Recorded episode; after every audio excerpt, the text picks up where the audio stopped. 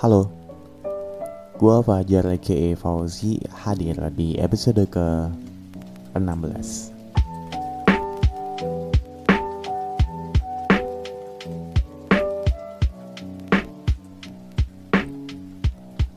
Yes, ketemu lagi. Setelah sekian lama, dua bulan kali ya. Terakhir gue upload itu Wait, wait, gue lihat dulu. Ih, gila cuy Terakhir gue upload itu tanggal 26 Juli. Sekarang udah bulan September. Dan waktu podcast ini di take Ini tanggal 27 Dan semoga upload hari ini juga. Jadi tepat banget dua bulan. Dan gak tau kenapa ya dua bulan ini kayak kayak lambat banget untuk bikin podcast. Kayak susah gitu ya. Nah mungkin secara apa ya bisa dibilang secara waktu iya sih kayaknya agak susah juga sih karena kan emang lagi ada kesibukan-kesibukan gitu yang ya you know lah ini kan lagi online. And then gue ditunjuk sama fakultas itu buat jadi tim IT jadi emang kalau ada acara apa-apa dipanggil ada acara apa-apa dipanggil. Nah sebenarnya is okay for me. Karena ya ya udah sih cuman ke fakultas doang gitu kan tahu juga fakultas itu fakultas gue gitu kan. Kali nggak datang kan. Ya udah akhirnya datang and then banyak banget semakin banyak acara semakin banyak acara bikin waktu gue untuk ke podcast itu kayak berkurang gitu. Ya gue sorry banget buat yang udah nungguin. And maybe ada beberapa yang udah bosan nunggu. Sorry banget. Dan semoga dengan podcast ini nanti habis ini insya Allah bisa langsung wus wus wus rajin upload rajin upload anyway terakhir upload gue tanggal 26 Juli dan gila aja gue hampir setahun cuy di podcast cuy dari November kan Desember, Januari, Februari, Maret, April, Mei, Juni, Juli. Dan sekarang Agustus, September. Udah 10 bulan gue di podcast dan udah mau satu tahun. Wih, gila gak tuh? Gila sih sebenarnya sih. Yang lebih gila lagi bukan karena gue rajin upload, karena gue jarang upload dan gue masih ada masih bisa survive di sini gitu loh. It means nggak harusnya ya harusnya kan orang yang jadi content creator jadi uh, podcaster itu kan rajin upload kan ya lah gue jarang banget upload gila gue jadi inget beberapa bulannya lalu tepat tepat tepat setahun lalu bulan Agustus eh September sorry. Bulan iya Agustus Agustus September lah. Bulan Agustus September tahun lalu gue kan pertama nih masuk di kampus. And then uh, di kampus ini kan gue di kota perantauan ya. Di kota perantauan yang emang gue nggak ada pengalaman apa pun di situ gitu kan. Sedangkan di kampung halaman gue itu kan kayak oh ya udah sih gue kan emang udah ada basic di radio dan lain sebagainya aman lah ya. Dan sedangkan di sini kan gue nggak nemu tempat kan cuy. Ya udah akhirnya gue bingung mau gimana gitu kan. Teman-teman gue nyaranin yaudah sih bikin podcast aja bikin podcast. Dulu nih ya gue ini agak underestimate sama kemampuan diri gue dalam bikin podcast. Gue bisa survive apa kagak gitu kan karena ya media digital yang mbak media digital baru yang gue belum lihat itunya cuy belum lihat yang sisi bagusnya gitu loh. Karena kalau dari kacamata orang awam ya sorry banget gue bilang gini dulu kan industri pertama industri media media pertama kan koran. And then media kedua itu radio habis radio muncullah TV TV kan udah audio visual kan ya? Muncullah lalu. Itu apa namanya uh, media digital. YouTube Instagram Facebook Bigo TikTok. Dan kawanan-kawanannya dan muncullah podcast. Actually gue agak bingung dulu waktu dibilang sama teman gue yaudah lo podcast aja nggak podcast aja. Lah podcast kan audio ya? Sedangkan media digital lain yang baru aja muncul itu berlomba-lomba untuk video. Bukan untuk uh, nggak cuman audio doang ada videonya gitu kan. Tapi yang bikin gue heran cuy ternyata setelah gue lima bulan kemarin ya bulan apa gue lupa pokoknya setelah lima bulan gue ada di podcast makin banyak banget yang bikin. Nih ya kalau sejarahnya sih ini gue cuma tahu dikit nggak tahu banyak. Secara singkat tahun 2017 itu awal-awal podcast masuk di Indonesia. Dan 2018 itu udah mulai agak banyak yang ngebikin mulai agak banyak podcaster.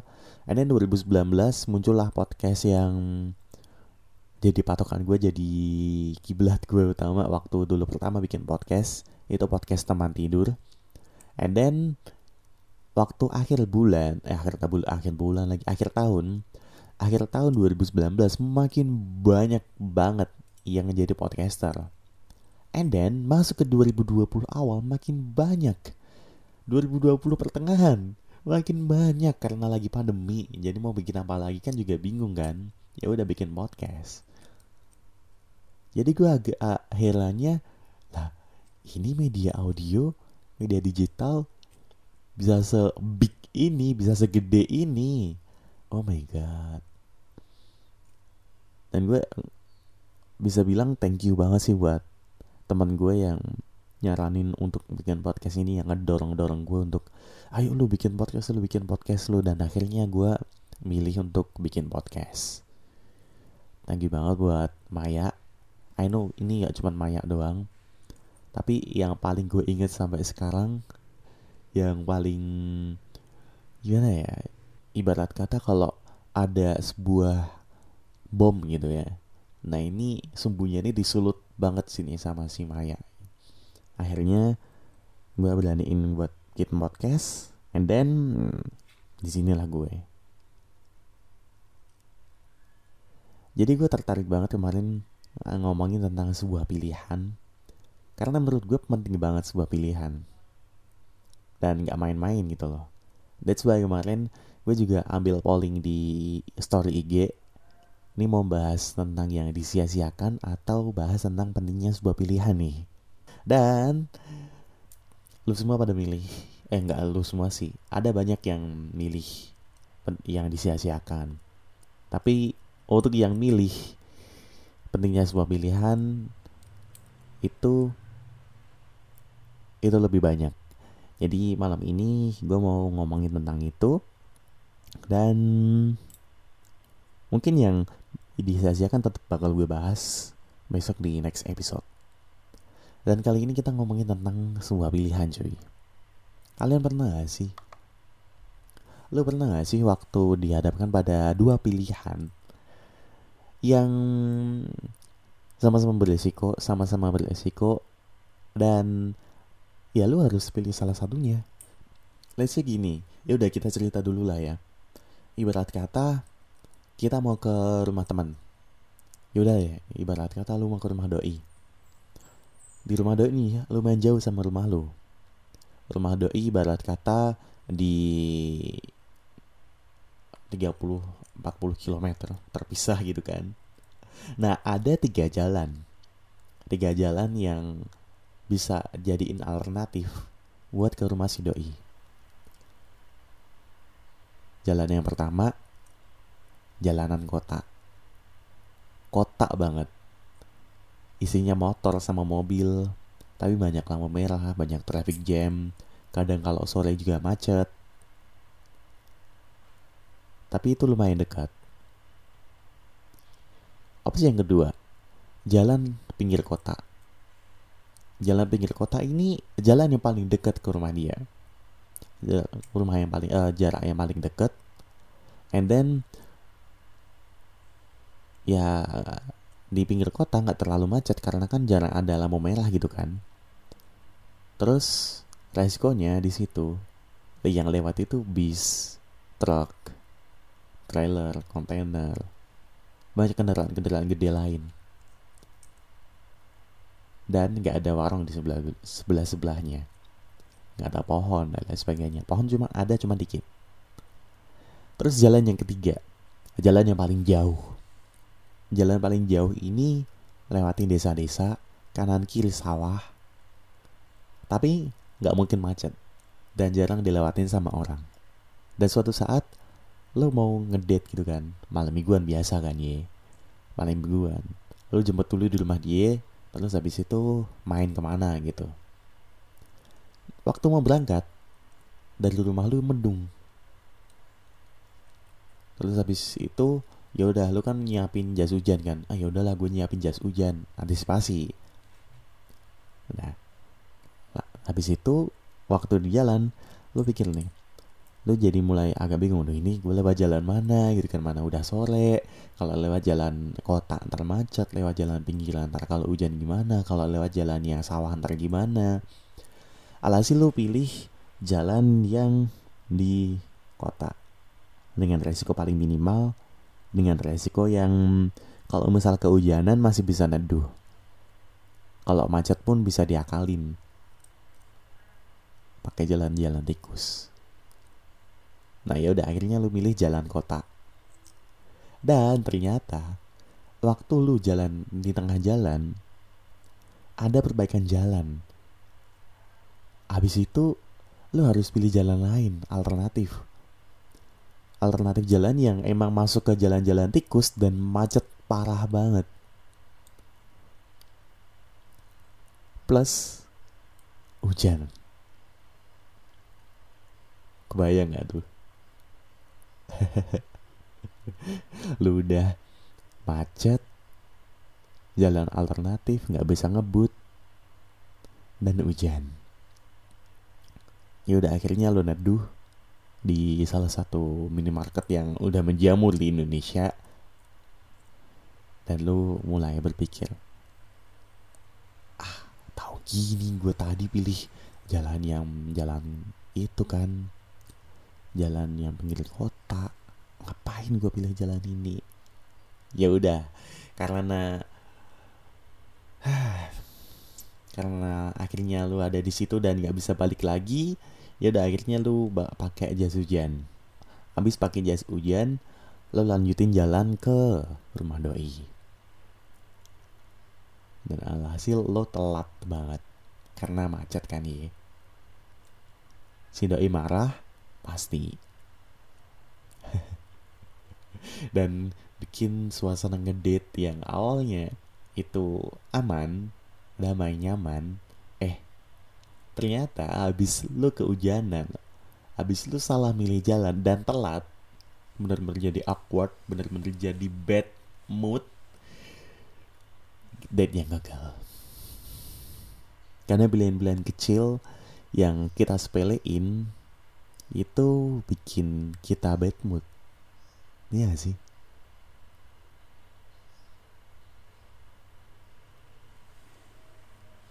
Makanya gue tadi bilang gue tertarik bahas ini karena menurut gue ada pilihan-pilihan dalam hidup yang emang itu sepele banget tapi jarang banget kita ngeh gitu kan jarang banget kita mention. Padahal mah pilihan-pilihan hidup ini ya penting gitu. Setiap pilihan dalam hidup kita itu penting. Ya mungkin yang gak terlalu penting ya mungkin bisa sepele kali ya.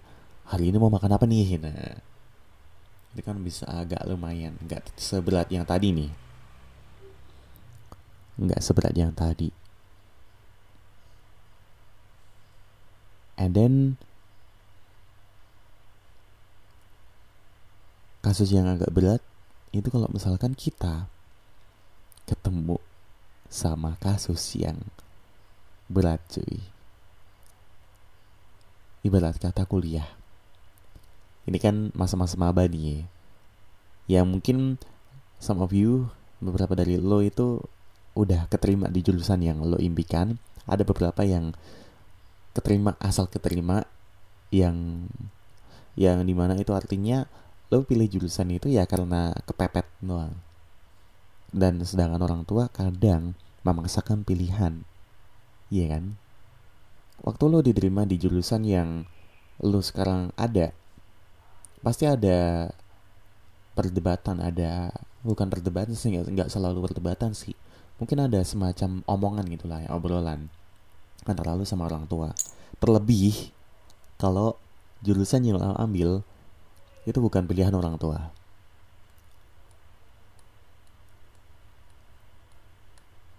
Beliau-beliau ini berpikiran eh, beliau-beliau ini bertanya.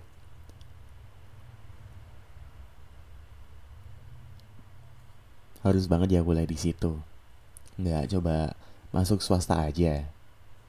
Nggak coba tahu coba tahun depan ke jurusan yang ini jurusan yang itu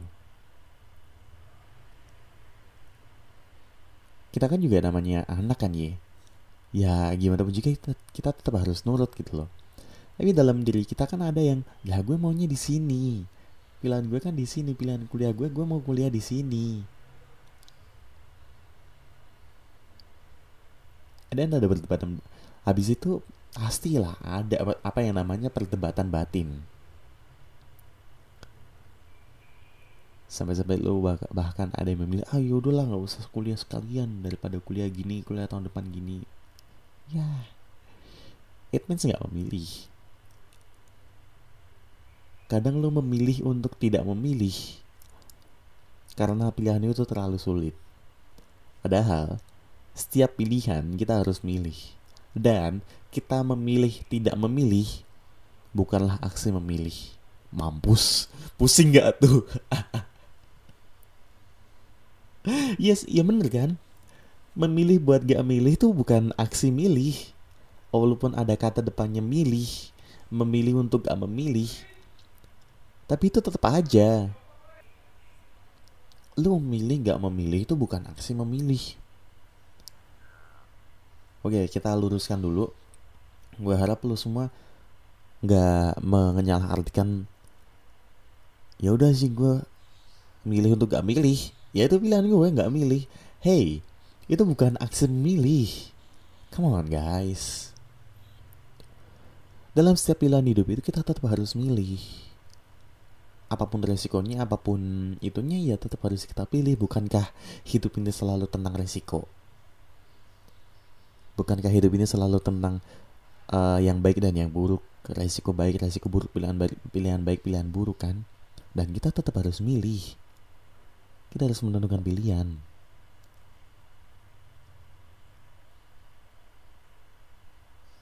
Dan mungkin uh,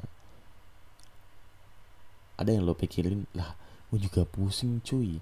Gimana mau milih? Gue aja bingung mau pilih yang mana. Mungkin lo bisa ambil apa yang pernah gue jalanin dan mungkin bisa lo terapin itu waktu gue bingung milih apa milih yang mana. Itu gue cari pendapat orang lain cari pendapat orang ketiga. Oke oke. Sorry banget kayaknya di sekitaran nanti kalau lo denger ada suara-suara teriakan-teriakan gitu sorry banget karena ini kan malam minggu kan ya. Ini kan malam kan ya.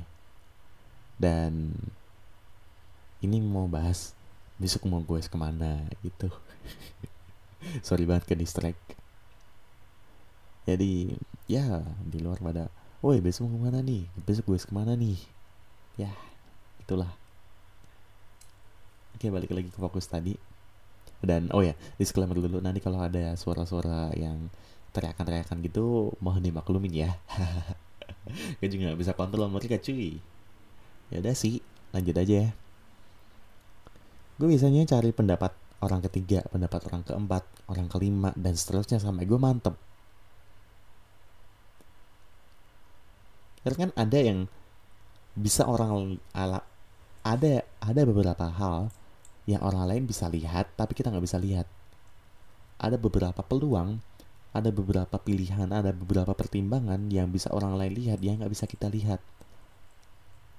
Let's say kita mau kuliah di komunikasi, ilmu komunikasi. Orang tua kita kan pasti ah ilmu komunikasi ntar kerjanya ngapain? gitu kan. And then beberapa teman kita yang nggak tahu dunia komunikasi juga pada bilang nah ngapain sih di komunikasi? Ntar kerjanya juga apa? gitu kan.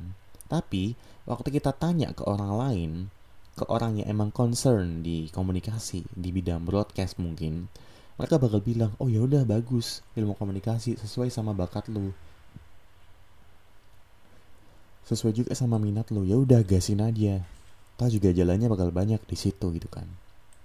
Itulah pentingnya kita cari pertimbangan atau cari pendapat atau cari pandangan lah dari orang lain. Karena itu benar-benar jadi dasar gitu kan. Nah habis cari pendapat dari orang lain ya ya udah kita compare. Kita bandingin sama pilihan kita kita bandingin sama saran dari orang tua saran dari pendapat-pendapat itu di compare bener-bener kayak dibikin kalau ala-ala bola itu dibikin head to head dibuat tabel gitu kan nah plus minusnya mana plus minusnya mana dan kita harus cari yang emang paling banyak bawa manfaat.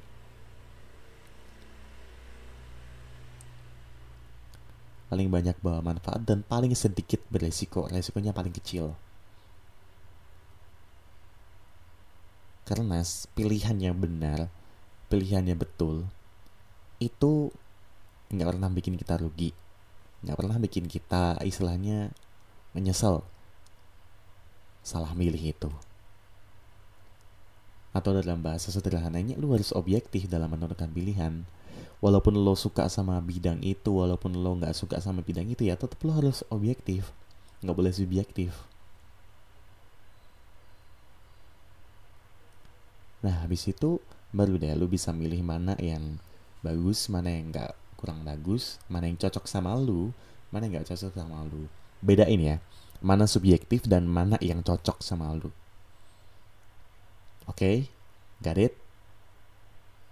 Abis lu udah milih dan lu yakin sama pilihan itu, make sure lu mantep dulu sama pilihan itu. Dimantepin banget. Jangan sampai besok-besok nyesel. Perihal apa kata orang, biarlah kata orang. Asik. Oke, fokus.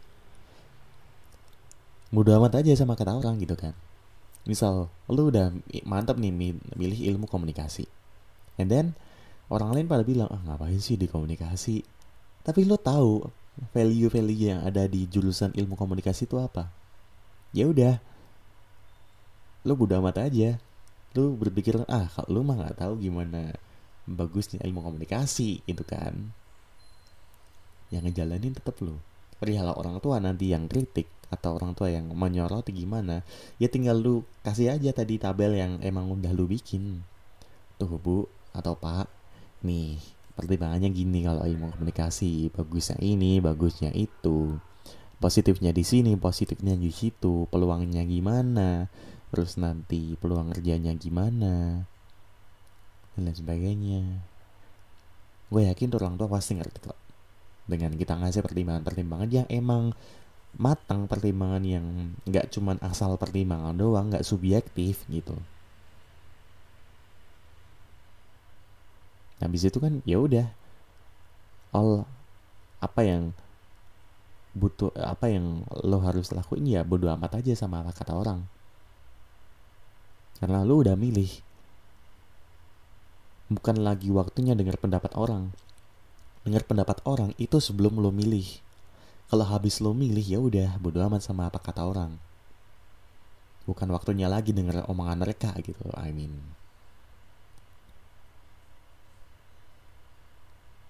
Dan kenapa untuk menentukan sebuah pilihan ini sangat banyak banget pertimbangan-pertimbangan? Ya karena gue bener-bener nggak pengen lo semua itu salah dalam membuat setiap pilihan dalam memutuskan setiap pilihan yang bakal lo ambil di hidup lo. Gitu aja ya untuk podcast kali ini. Thank you banget yang masih join sama gue. Dan gue harap kita nggak cuma sampai sini doang. Kita bakal survive, kita bakal bikin gede lagi, kita bakal bercengkrama lagi. Kita bakal uh, bikin sesuatu yang wow. Dan gue harap lo tetap ada sama gue karena lo itu sangat berharga.